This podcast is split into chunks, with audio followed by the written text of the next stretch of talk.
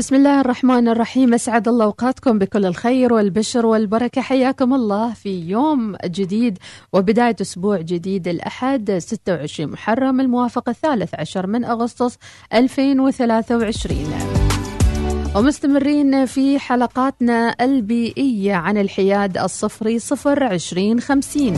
هذا البرنامج يأتيكم فقط كل يوم أحد الساعة الثانية عشر واثنى عشر دقيقة ظهرا. برعاية شركة تنمية نفط عمان. نتحدث فيه عن كل ما يتعلق بالحياد الصفري والانبعاثات الكربونية والجهود والاستثمارات التي تنطلق في هذا الجانب سواء في سلطنة عمان أو في دول العالم.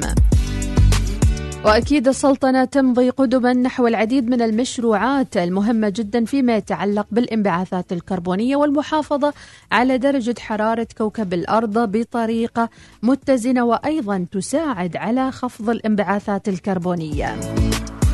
بين إطلاق المشاريع الاستثمارية الصناعية وغيرها من المشاريع الأخرى التي تؤثر على كوكب الأرض بشكل مباشر. أيضا هناك مطالبات بخفض هذه الانبعاثات الكربونية الناتجة عن الصناعة والتحويلات المختلفة. وبطبيعة الحال ربما هناك حلول استراتيجية وضعتها سلطنة عمان وبتوجيهات سامية. من لدن المقام السامي لمولاي حفظه الله ورعاه فيما يتعلق بالحياد الصفري واختيار العام 2050 عاما خاليا من الانبعاثات الكربونية وللوصول إلى هذا الهدف. أكيد بدأت دول العالم ومن ضمنها سلطنة عمان تضع لنفسها محددات بيئية لتصل إلى الحياد الصفري. من الأخبار الجميلة أيضا متابعين اليوم افتتاح مركز استضافة ومعالجة البيانات وتعدين العملات المشفرة في صلالة. وأيضا كنا قد ذكرنا هذا الخبر في حلقة الأسبوع الماضي مع نادي البلوك تشين في سلطنة عمان وضيفتنا التي كانت في الاستوديو الفاضلة مهل حبسية نوجه لها التحية حيث أشارت إلى قرب موعد إطلاق هذا المقر في محافظة ظفار. ويمكن أن نطلق عليه المقر الأخضر حسب ما ذكرت مها الحبسية وهي أحد مؤسسي وأيضا عضوة في نادي عمان للبلوك تشين يعتبر هذه البناء أول بنية أساسية مختصة في البلوك تشين والتكنولوجيا الحديثة المعززة لأنظمة الذكاء الاصطناعي والتعدين الرقمي. وينكم يا شباب؟ وينكم يا معدنين؟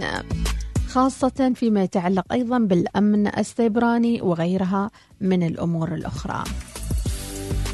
أيضا أوضح جاد جرما مؤسس آفاق للتقنيات المتقدمة والرئيس التنفيذي لشركة إكسا هيرتز أن تأسيس الشركة جاء بالتعاون والدعم المقدم من قبل حكومة السلطنة وخاصة وزارة النقل والاتصالات وتقنية المعلومات. وأكد أيضا جاد جيرما في تصريح لوكالة الأنباء العمانية أن الشركة تقدم مجموعة شاملة من الخدمات التي تسهم في تعزيز أداء الشركات المحلية وتحقيق أعلى مستويات التفوق التشغيلي عبر تطوير كوادر ومواهب وطنية.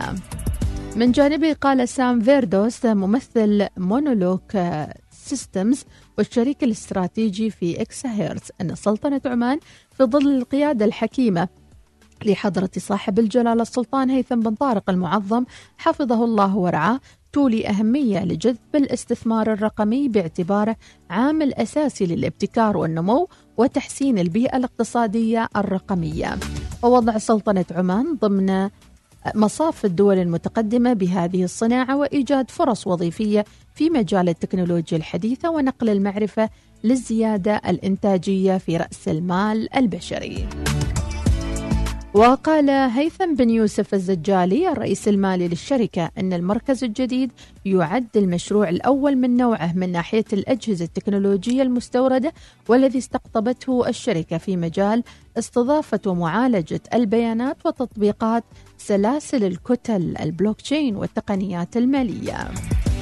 مشيرا إلى نجاح المرحلة الأولى من إنشاء وتشغيل المركز الذي تم في فترة قياسية بأقل من ثلاثة أشهر والشركة ماضية بجهودها بتحقيق أثر إيجابي على السوق المحلي وتعزيز دورها الحيوي في دفع عجلة التنمية الاقتصادية.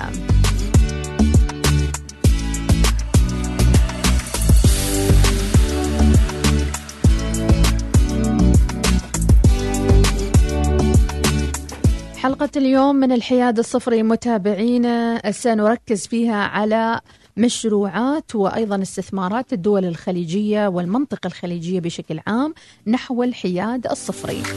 من الجيد دائما أن نقارن أنفسنا بمستوى العمل وحجم الاهتمام في المنطقة الخليجية.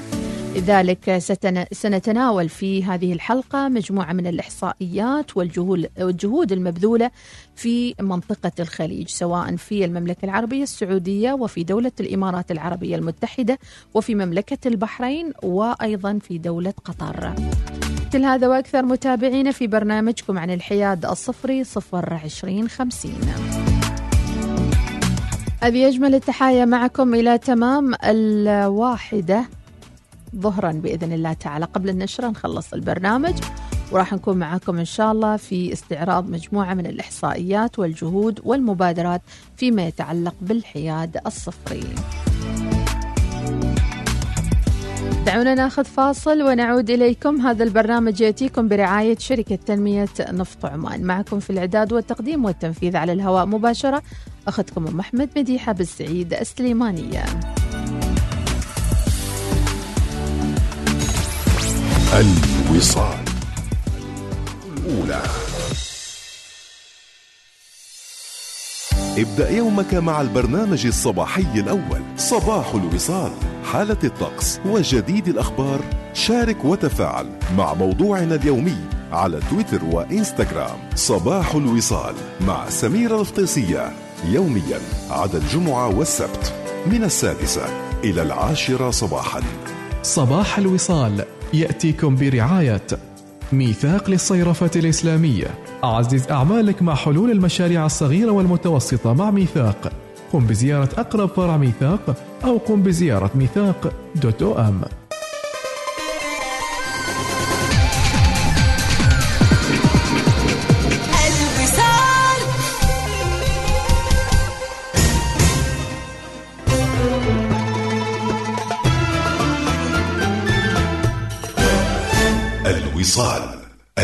الإذاعة الأولى ما هي الطاقة المتجددة؟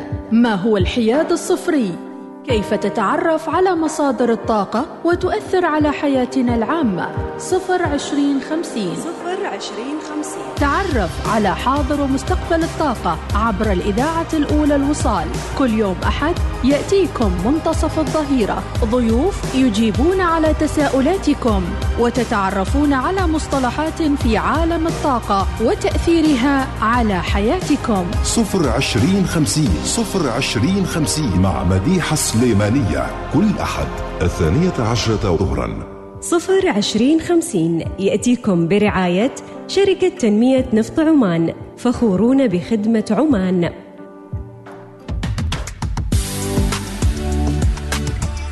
عدنا لكم متابعينا وأيضا المجال مفتوح لكل من أراد أن يشارك في إثراء الحلقات ما عليكم إلا التواصل على البريد الإلكتروني للوصال على info@وصال.fm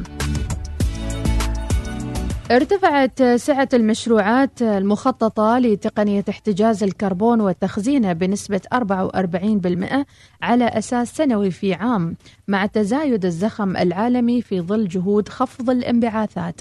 أظهر التقرير السنوي الصادر على المعهد العالمي لالتقاط الكربون وتخزينه في 17 أكتوبر العام الماضي زيادة قدرة المشروعات على احتجاز الكربون المخططة إلى 244 مليون طن سنويا خلال 12 شهرا منتهية مقابل 169 مليون طن سنويا قبل عام واحد.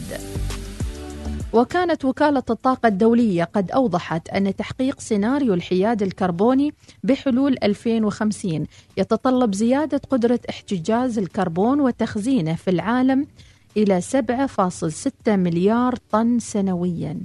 يحتجز الكربون.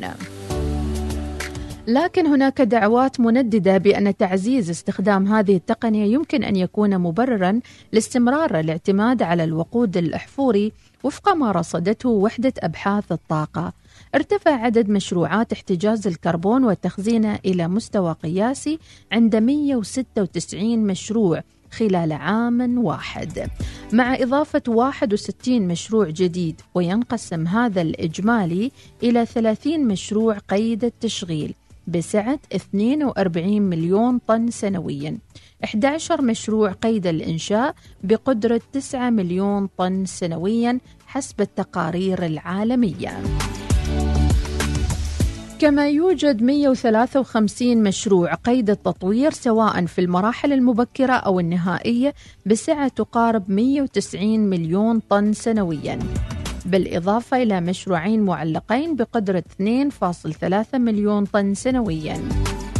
وعلى أساس المناطق الجغرافية تواصل الولايات المتحدة ريادتها لمشروعات احتجاز الكربون وتخزينه عالميا مع 34 مشروع جديد في 2022 كما تشمل الدول الرائدة الأخرى كندا 19 مشروع لاحتجاز الكربون المملكة المتحدة 13 مشروع لاحتجاز الكربون. النرويج ثمان مشروعات لاحتجاز الكربون إلى جانب ست مشروعات لكل من أستراليا وهولندا وأيسلندا. وأكد المعهد العالمي لالتقاط الكربون أن قرارات السياسة العامة مثل الإعفاءات الضريبية تساعد في إحراز تقدم للمشروعات خاصة في أوروبا وأمريكا الشمالية. ماذا عن الدعم الحكومي لمشروعات احتجاز الكربون؟ من أجل مواصلة الريادة العالمية أقرت الولايات المتحدة قوانين مهمة لدعم التقاط الكربون أبرزها قانون خفض التضخم الذي يعزز الائتمان الضريبي بنسبة 70% ويمكن أن يرفع سعة احتجاز الكربون وتخزينه بنحو 13 مرة أو أكثر من 110 مليون طن سنويا بحلول 2030 مقارنة بالسياسات الحالية. كما تركز كندا على احتجاز الكربون بصفته جزءا من خططها لإزالة الكربون على نطاق أوسع من خلال الائتمان الضريبي واستراتيجية خاصة بالتقنية قيد التطوير حاليا فضلا عن نظام تسعير الكربون. كربون كريدت هي إحدى الطرق اللي استعرضناها أيضا في البرنامج آه، برنامج الحياد الصفري وكان واحد من المواضيع اللي طرحناها في حلقة خاصة. يمكنكم متابعتها أيضا على بودكاست الوصال صفر عشرين خمسين. الشاب العماني اللي استضفناه كان عنده مشروع شركة تعنى بوضع تسعيرة كريدت لانبعاثات الكربونية. بمعنى كل يعني كمية من الكربون يصدرها مؤسسة أو شركة أو مصنع يعطيك تسعيرة على حجم الانبعاثات الكربونية التي تصدرها في سلطنة عمان ستعطى كريدت محدد مقابلها تقوم بمشروع بيئي أو بزرع أشجار أو بخفض الانبعاثات الكربونية. مثلا مصنع معين كم الكربون اللي ينتجه المصنع؟ وضع فلاتر في هذه المصانع أيضا تحمي المجتمع وأيضا السلطنة من الانبعاثات الكربونية. أتمنى ترجعوا للحلقة وإذا احتجتوا أرقام الشباب اللي استعرضنا شركاتهم فيما يتعلق بالحياد الصفري لأن النقطة الأساسية اللي ذكرها هؤلاء الشباب عدم وجود الدعم المالي بالنسبة لمشروعاتهم. مشروع تسعيرة الكربون أو كريدت كربون واحد من أنجح المشروعات واللي يتوقع له نجاح كبير ولكن أيضا كان ينقصه بعض الدعم المالي. في أوروبا خصصت الحكومة الدنماركية 5 مليار يورو ما يعادل 4 مليار و88 مليون دولار. لالتقاط الكربون على مدى 10 سنوات. تخيلوا 5 مليار يورو في 10 سنوات فقط يلتقطوا الكربون. بالإضافة للعديد من السياسات الداعمة في دول أخرى بفضل برنامج المنح التابع لصندوق الاتحاد الأوروبي للابتكار. وهذا ما رفع عدد المشروعات لاحتجاز الكربون إلى 73 مشروع في قارة أوروبا. أما في منطقة آسيا والمحيط الهادي فقد أعلنت تايلاند أول مشروع في مجال احتجاز الكربون وتخزينه. دخول أول مشروع بسعة مليون طن سنويا في الصين أيضا في حيز التشغيل. إضافة إلى الدعم المتواصل للمشروعات في أستراليا. كما بدأ الاهتمام بمشروعات التقاط الكربون ينتقل إلى منطقة الشرق الأوسط وشمال أفريقيا مدعوما باستراتيجيات الحياد الكربوني وإمكان الاستحواذ على حصة كبيرة من سوق الهيدروجين منخفض الكربون.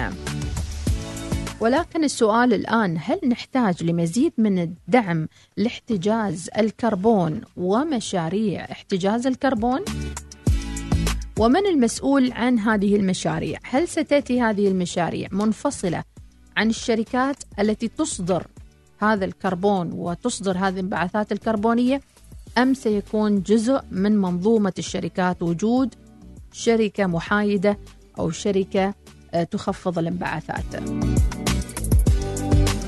ومن أجل خفض درجة الحرارة العالمية إلى واحد ونصف درجة مئوية بحلول 2050 تحتاج سعة احتجاز الكربون وتخزينه للزيادة بمقدار 100 مرة على الأقل من السعة العالمية الحالية فوق 42 مليون طن سنويا بحسب التقرير اللي تابع التفاصيل وحدة أبحاث الطاقة. وترى وكالة الطاقة الدولية أن العقد الحالي سيكون حاسم في مسار التقاط الكربون مع الحاجة لزيادة السعة إلى 1.7 مليار طن سنوياً من أجل تلبية هدف الحياد الكربوني 2050 وفي تقرير سابق أشار المعهد العالمي لالتقاط الكربون وتخزينه إلى أن زيادة قدرة احتجاز الكربون تحتاج إلى استثمارات تتراوح إلى 1 تريليون دولار 2050 من أجل تحقيق الأهداف المناخية. باختصار مثل ما تقوم بعض المؤسسات وبعض المشاريع العالمية بإنتاج الكربون وزيادة درجة حرارة كوكب الأرض والتأثير على المناخ بشكل عام على كوكب الأرض هناك تكلفة وتسعيرة أيضا سيحاسب عليها هؤلاء إما على شكل منظمات أو على شكل مؤسسات دولية تعنى بالحياد الكربوني أو حتى وجود شركات تعنى بالحياد الكربوني. إذا بعدك ما سمعت عن الحياد الكربوني تابعوا حلقات صفر عشرين خمسين. وطبعا الحلقات كلها موجودة على البودكاست ما عليكم إلا أنكم تعملوا like و follow وأيضا متابعة لحسابنا على البودكاست. على موقع الوصال على www.wisal.fm أصبح الحياد الكربوني اليوم واحد من المواضيع الأساسية التي ينبغي أيضا أن تدرج ضمن المناهج الدراسية في المدارس وكيف يتعامل المجتمع بشكل عام حول مشكلة الانبعاثات الكربونية وأيضا زيادة درجة حرارة كوكب الأرض. بعد قليل دولة عربية تمدد الإجازة الصيفية بسبب ارتفاع درجة الحرارة. سنعرف ما هي الدولة وأيضا كيف تأثرت آه، يعني بارتفاع درجة حرارة كوكب الأرض وما هي الدرجة المعتادة في تلك الدولة ولكن بعد فاصل قصير. صفر عشرين خمسين يأتيكم برعاية شركة تنمية نفط عمان محدثتكم مديحة سليمانية. نعود لكم بعد قليل. ونرحب بكل من يستمع إلينا أيضا على بودكاست الوصال على الأبل والأندرويد.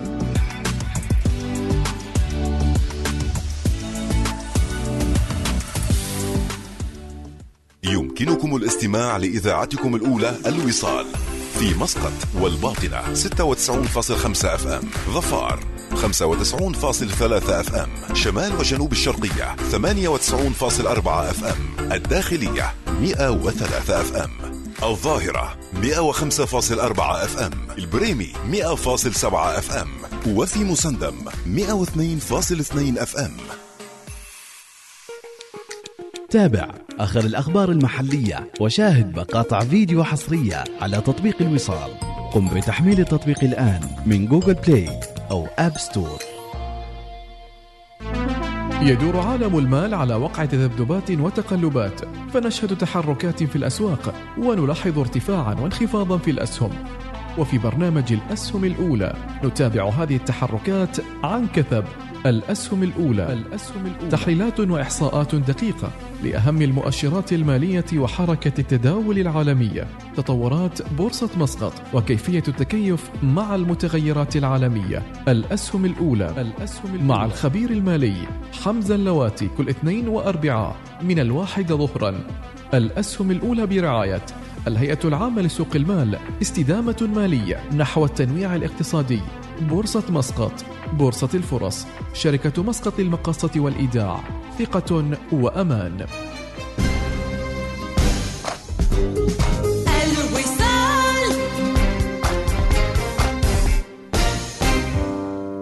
ما هي الطاقة المتجددة؟ ما هو الحياد الصفري؟ كيف تتعرف على مصادر الطاقة وتؤثر على حياتنا العامة؟ صفر عشرين خمسين صفر عشرين خمسين. تعرف على حاضر ومستقبل الطاقة عبر الإذاعة الأولى الوصال. كل يوم أحد يأتيكم منتصف الظهيرة. ضيوف يجيبون على تساؤلاتكم وتتعرفون على مصطلحات في عالم الطاقة وتأثيرها على حياتكم. صفر عشرين خمسين صفر عشرين خمسين مع مديحة سليمانية. كل أحد الثانية عشرة ظهرا. صفر عشرين خمسين يأتيكم برعاية شركة تنمية نفط عمان فخورون بخدمة عمان.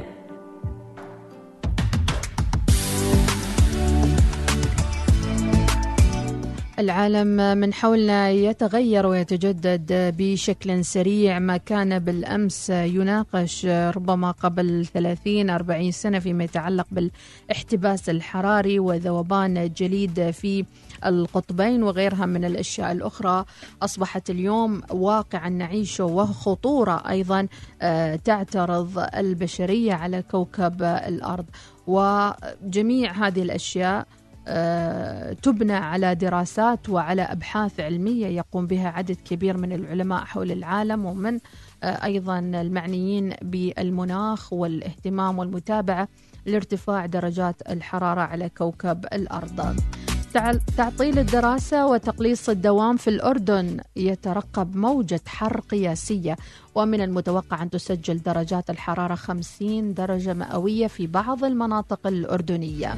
تدابير استثنائية فرضتها موجة الحر المرتقبة على الأردن حيث من المتوقع أن تسجل درجات الحرارة 50 درجة مئوية. توقع هذه البلد التي آه، يعني دائما تتمتع بدرجات متوسطية جميلة رايقة زادت فيها درجات الحرارة إلى قرب الخمسين آه، على مستوى الدول الصحراوية. تؤثر على الأردن موجة حر تؤدي لارتفاع ملموس بدرجة الحرارة لتسجل أعلى من معدلاتها العامة لمثل هذا الوقت بقرابة سبع إلى تسع درجات زيادة عما كانت عليه. وتحذر إدارة الأرصاد من خطر تدني مدى الرؤية الأفقية بسبب الغبار خاصة في مناطق البادية ومن خطر التعرض لأشعة الشمس بشكل طويل ومن ترك الأطفال وكبار السن في داخل المركبات. وأيضا أكد على ضرورة عدم إشعال النيران في المناطق الحرجية والعشبية تجنبا لوقوع الحرائق في الغابات أيضا من القرارات تعطيل الدراسة في الجامعات في الأردن كما تقرر تقليص ساعات الدوام لعمال النظافة والكوادر الميدانية مع التحذيرات الصادرة عن ارتفاع موجة حر في الأردن. وستقوم بعض من الجهات الحكومية بتغييرات ميدانية واسعة من بينها أو استخدام أغطية الرأس، توزيع المياه، وأعلنت أيضا إدارات طوارئها بدءا من يوم أمس السبت وأصدرت تعاميم أيضا على المجالس والبلد والبلديات في الأردن. ودعت وزارة العمل الأردنية أصحاب العمل لعدم تشغيل العاملين في أي من هذه المواقع. هنا أيضا يأتي الدور كيف نقنع يعني عامة الناس والناس البسيطة بأنه الحرارة فعلا يعني أصبحت ترتفع ليس لأسباب طبيعية وإنما لأسباب أيضا صناعية آه، مثل ما ذكرنا سابقا. خلونا نعقد مقارنة سريعة أيضا عن هالجهود آه، الحياد الصفري في أيضا منطقتنا الخليجية، الحديث عن ذلك راح ن- نأخذ عدة مقالات آه، نقلناها من مواقع إخبارية خليجية متنوعة. من الجهود في مملكة البحرين عقد الدكتور عبد الحسين بن علي ميرزا رئيس هيئة الطاقة المستدامة بالبحرين اجتماعا افتراضيا مع وفد رفيع المستوى من شركة آه، ميلتا الإسبانية والتي تعد إحدى شركات مجموعة ACS العالمية التابعة لمجموعة ليوا والرائدة عالميا في الخدمات النفطية. آه، طبعا الهدف من هذا اللقاء التعرف على الفرص الاستثمارية بين البحرين وأيضا هذه الشركات فيما يتعلق بالطاقة المتجددة. آه، أيضا كان هناك حديث عن الطاقة المستدامة وعن تطلعهم أيضا لبعض الاستثمارات في مملكة البحرين. ميلتا الإسبانية وإحدى الشركات التي متوقع أن تكون داخلة وبقوة في السوق البحرينية فيما يتعلق بالطاقة المستدامة. تأسيس شركة سوق الكربون الطوعي الإقليمية شراكة بين صندوق الاستثمارات العامة وتداول. أعلن صندوق الاستثمارات العامة في المملكة العربية السعودية عن تأسيس شركة سوق الكربون الطوعي. آه، بملكية 80% للصندوق و20% لمجموعة تداول السعودية القابضة. تهدف الشركة لدعم شركات والقطاعات المختلفة في المنطقة لتمكينها من الوصول للحياد الصفري. شوفوا قوة القرار متابعينا هنا. تأسيس شركة سوق كربون طوعي وتطرح في التداول بسوق المال السعودي وأيضا آه، سيكون هدفها الوصول للحياد الصفري بالإضافة إلى ضمان شراء أرصدة الكربون اللي ذكرناها قبل شوية carbon credit لتخفيض الانبعاثات الكربونية في سلاسل القيمة. وقد أعلن سابقا عن مبادرة السوق الطوعية لتداول الائتمان الكربوني من قبل صندوق الاستثمارات السعودي ومجموع التداول السعودي في سبتمبر 2021 وحصل في إشادة كبيرة من الحكومة بالمملكة العربية السعودية. يسهم الإعلان عن شركة سوق الكربون الطوعي الإقليمي لتتخذ مدينة الرياض مقرا لها في آه، تنظيم جهود أكبر في مزاد أكبر مزاد من نوعه لتداول الائتمان الكربوني. من متوقع أن يشهد المزاد تداول مليون طن من الائتمان الكربوني تقديم شهادات ائتمان عالية الجودة تتماشى مع معايير كورسيا المسجلة في برنامج فيرا. وبها المناسبة أعرب نائب المحافظ ورئيس الإدارة العامة لاستثمارات الشرق الأوسط وشمال أفريقيا في صندوق الاستثمارات العامة عن سعادته عن وجود سوق للكربون الطوعي إقليمي وسيساعد المنطقة للوصول للحياد الصفري. عندما نتحدث متابعينا عن هذه الإحصائيات والمقارنة أيضا بين الدول الخليجية وجهودها للوصول للحياد الكربوني إنما نقرب الصورة للجمهور المتابع للمواطنين والمقيمين عن توجهات الدول حول العالم. ربما كان الهاجس في السابق هو الحصول على الكهرباء والحصول على الماء. إلى فترة قريبة كان حصول على الإنترنت وترقية الإنترنت إلى 2G 3G 5G الحصول على مساحات تخزينية حتى المساحات التخزينية اليوم ال data park أو وجود ال terabytes العملاقة جدا لتخزين البيانات الإلكترونية هذا بحد ذاته أيضا يفتح آفاق للمستقبل. لنقرب أيضا اهتمامات العالم مع اهتمام السوق العماني ووجوب أن تتغير السوق واهتماماتها أيضا لمشاريع الحياد الصفري. آه إذا تحدثنا عن آه، هذا السوق سوق آه، الكربون الطوعي الإقليمي الموجود بالمملكة في الرياض بوجه التحديد. أيضا ننتقل إلى آه، جهود أخرى. أعلن الصندوق الاستثمارات العامة آه، نتائج المشاركين في مزاد السوق الطوعي لتداول الائتمان الكربوني آه، عن نجاح تداول 1.4 مليون طن من الائتمان الكربوني في المزاد الأكبر من نوعه على مستوى العالم واللي أقيم في مدينة الرياض. شهد المزاد مشاركة 15 كيان وطني وإقليمي رائد في المنطقة وقام الأستاذ يزيد الحميد نائب المحافظ هناك في السعودية رئيس الإدارة العامة لاستثمارات الشرق الأوسط آه، مع المشاركين في المزاد كل من أرامكو شركة العل- العليان المالية شركة التعدين العربية السعودية معادن بشراء أكبر عدد من وحدات الائتمان الكربوني. شملت القيمة أيضا مجموعة من الشركات من بينها بنك الأهل السعودي الخطوط السعودية الشركة السعودية آه، إنوا التابعة لنيوم بنك الخليج شركة أسمنت ينبع شركة أكوا باور. شركة أكوا باور أيضا موجودة في السلطنة. شركة رياضة المحركات السعودية شركة مجموعة الزامل عبد اللطيف جميل الشركة السعودية للجولف تتوافق شهادات الائتمان الكربوني المقدمة خلال المزاد مع معايير كورسيا. نتمنى فعلا من المختصين فيما يتعلق بهذه المعايير معايير كورسيا وبرنامج فيرا اللي تساهم في تمكين الشركات الوصول للحياد الصفري. هل هناك نية في سلطنة عمان في المستقبل القريب أن يكون هناك تعاون مع صندوق آه، أو مثل هاي ال- الأسواق الكربون الطوعي؟ كيف ممكن أن نصل بأسواق مشابهة في سوقنا آه، العماني والخليجي أيضا؟ دعونا متابعينا ناخذ فاصل آه، أخير ومن بعدها نرجع نستكمل ما تبقى من محورنا الأخير فيما يتعلق للحياد الكربوني في حلقة هذا الأسبوع. سعيدين جدا بكل من يتابعنا ويستمع إلينا للبرنامج. حاليا متواجدين في سياراتكم في مشاويركم. نتمنى لكم إجازة صيفية سعيدة ومشاوير موفقة بإذن الله تعالى مع بداية الأسبوع. هذا البرنامج 02050 يمكنكم الاستماع إليه مباشرة أو عن طريق البودكاست في حلقة معادة وموجودة على البودكاست بطريقة سمعية. أما للراغبين في التواجد معنا كضيوف أو أيضا التعاون وإدلاء بأي معلومات جديدة فيما يتعلق بالحياد الصفري من مؤسسات حكومية أو خاصة أو شركات يمكنكم التواصل على info@وصال.fm فاصل قصير ونعود مع الجزء الأخير من البرنامج برنامج الحياد الصفري عبر الإذاعة الأولى الوصال.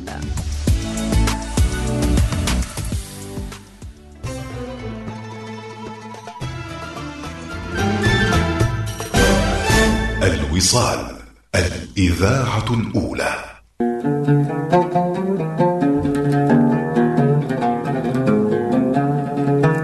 من استديو آيكيا في الواجهة البحرية بسوق شاطئ الحافة. رافع سر صافا لبس لدرب العجو الوصال وأواصر تقدمان ليالي ظفار مع محمد العلوي. قصص وشخصيات وأحاديث الموسم وحوارات الذكرى والذاكرة. للمشاركة بمسابقة ليالي ظفار والحصول على فرصة للفوز بمجموع عشرة آلاف ريال عماني جوائز نقدية. أرسل كلمة ليالي على الرقم 90466 ليالي ظفار مع محمد العلوي. يوميا ما عدا الجمعة والسبت من الثامنة مساء. ليالي ظفار برعاية آيكيا. خريف صلالة هالسنة غير. اجعلوا منازلكم أكثر أناقة وجمال مع آيكيا. أواصر. غير لأواصر واستمتع بخدمة فايبر إنترنت أواصر فائق السرعة. اتصل على 8000 أو زر الموقع الإلكتروني أواصر دوت أو أم شركة النفط العمانية للتسويق نفط عمان. الواجهة البحرية بسوق شاطئ الحافة أحد مشاريع شركة أساس. نماء ظفار بلدية ظفار. الوصال الإذاعة الأولى. على جميع المستمعين ربط أحزمة الفرح للانطلاق لعالم مرح الصيف. مرح الصيف عالم نقترب فيه من محطات مختلفة في السياحة الداخلية والخارجية ونعيش لحظات فيها المتعة والفائدة حول أهم محطات السفر الحالية. مرح الصيف مرح الصيف. معي أنا إناس ناصر يأتيكم في الأوقات التالية. العاشرة والنصف صباحا الرابعة والنصف عصرا السابعة والنصف مساء. مرح الصيف يأتيكم برعاية البنك الأهلي حول راتبك إلى البنك الأهلي اليوم واحصل على 10% استرداد نقدي الوصال الإذاعة الأولى ما هي الطاقة المتجددة؟ ما هو الحياد الصفري؟ كيف تتعرف على مصادر الطاقة وتؤثر على حياتنا العامة؟ صفر عشرين خمسين. صفر عشرين خمسين. تعرف على حاضر ومستقبل الطاقة عبر الإذاعة الأولى الوصال. كل يوم أحد يأتيكم منتصف الظهيرة. ضيوف يجيبون على تساؤلاتكم وتتعرفون على مصطلحات في عالم الطاقة وتأثيرها على حياتكم. صفر عشرين خمسين. صفر عشرين خمسين مع مديحة سليمانية كل أحد الثانية عشرة ظهرا. صفر عشرين خمسين يأتيكم برعاية شركة تنمية نفط عمان فخورون بخدمة عمان.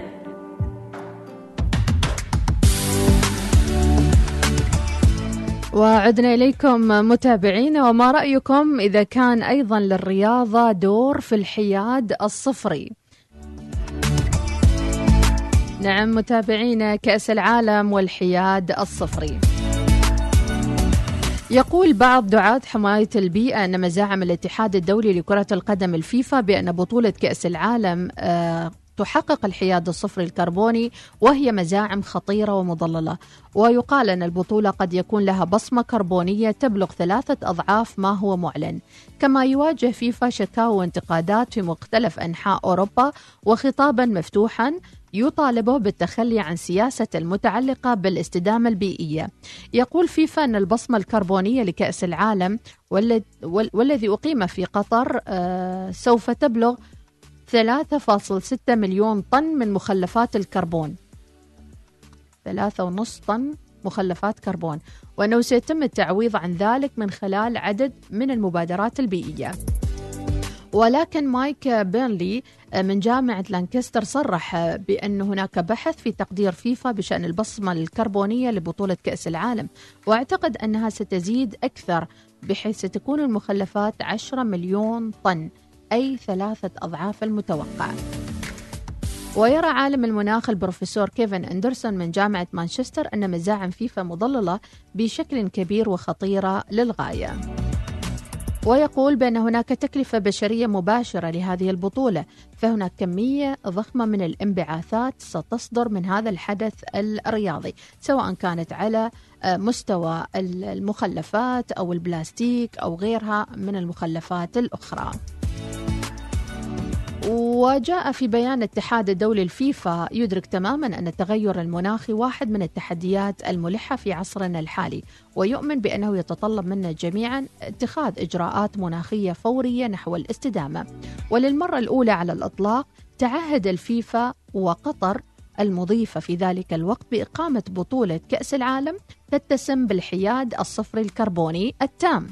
وقد تم تنفيذ مجموعة شاملة من المبادرات لتخفيف الانبعاثات المرتبطة بالبطولة. بما في ذلك إقامة استادات تتسم بالكفاءة في استخدام الطاقة وإنشاءاتها وعملياتها الحاصلة على شهادات المباني الخضراء. وكذلك وسائل نقل منخفضة الانبعاث وممارسات مستدامة لإدارة المخلفات.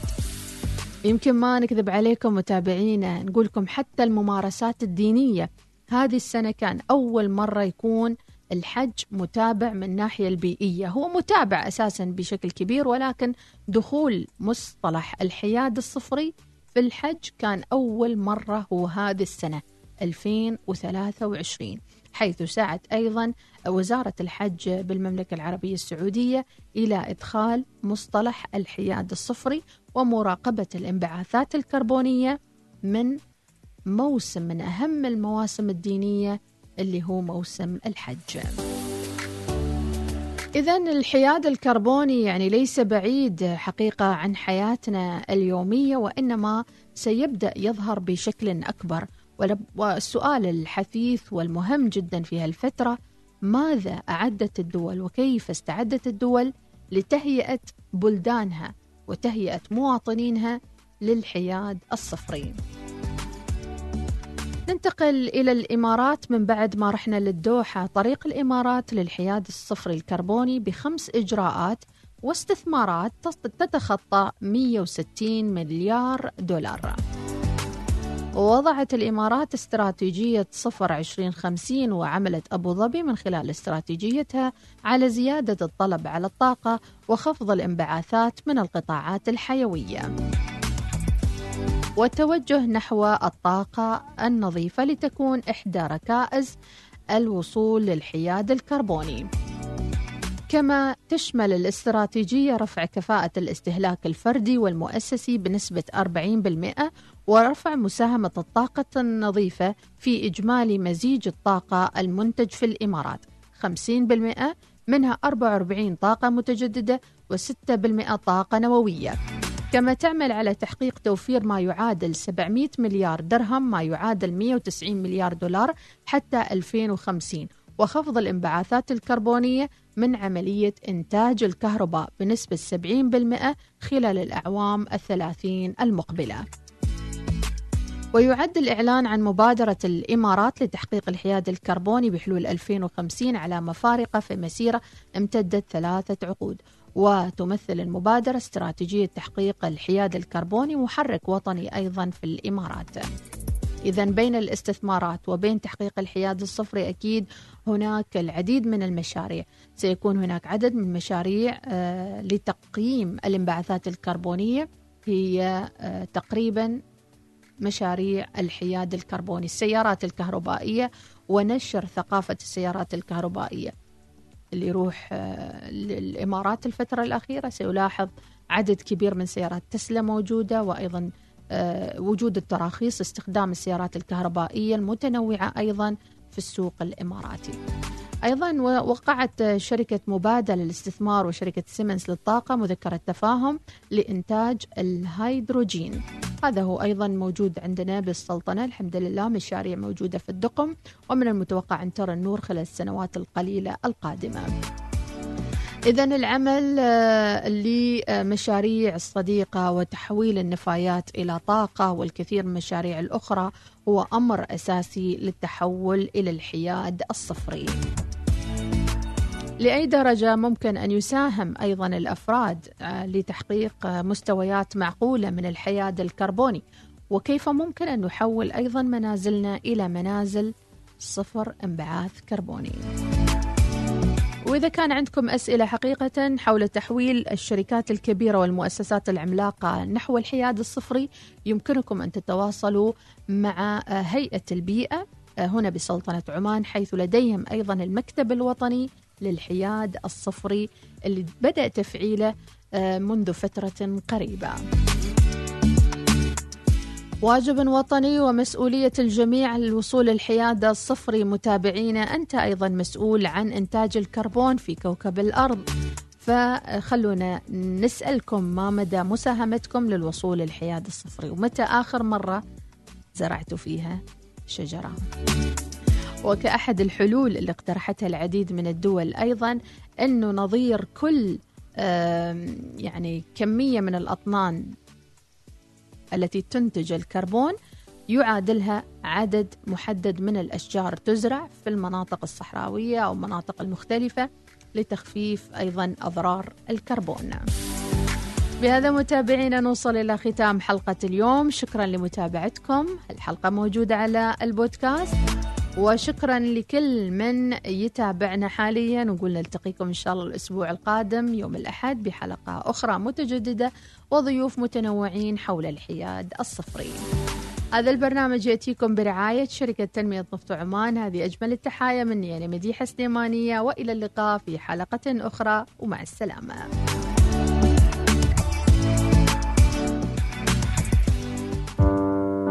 ما هي الطاقة المتجددة؟ ما هو الحياد الصفري؟ كيف تتعرف على مصادر الطاقة وتؤثر على حياتنا العامة؟ صفر عشرين خمسين صفر عشرين خمسين. تعرف على حاضر ومستقبل الطاقة عبر الإذاعة الأولى الوصال. كل يوم أحد يأتيكم منتصف الظهيرة. ضيوف يجيبون على تساؤلاتكم وتتعرفون على مصطلحات في عالم الطاقة وتأثيرها على حياتكم. صفر عشرين خمسين صفر عشرين خمسين مع مديحة سليمانية. كل أحد الثانية عشرة ظهرا. صفر عشرين خمسين يأتيكم برعاية شركة تنمية نفط عمان فخورون بخدمة عمان.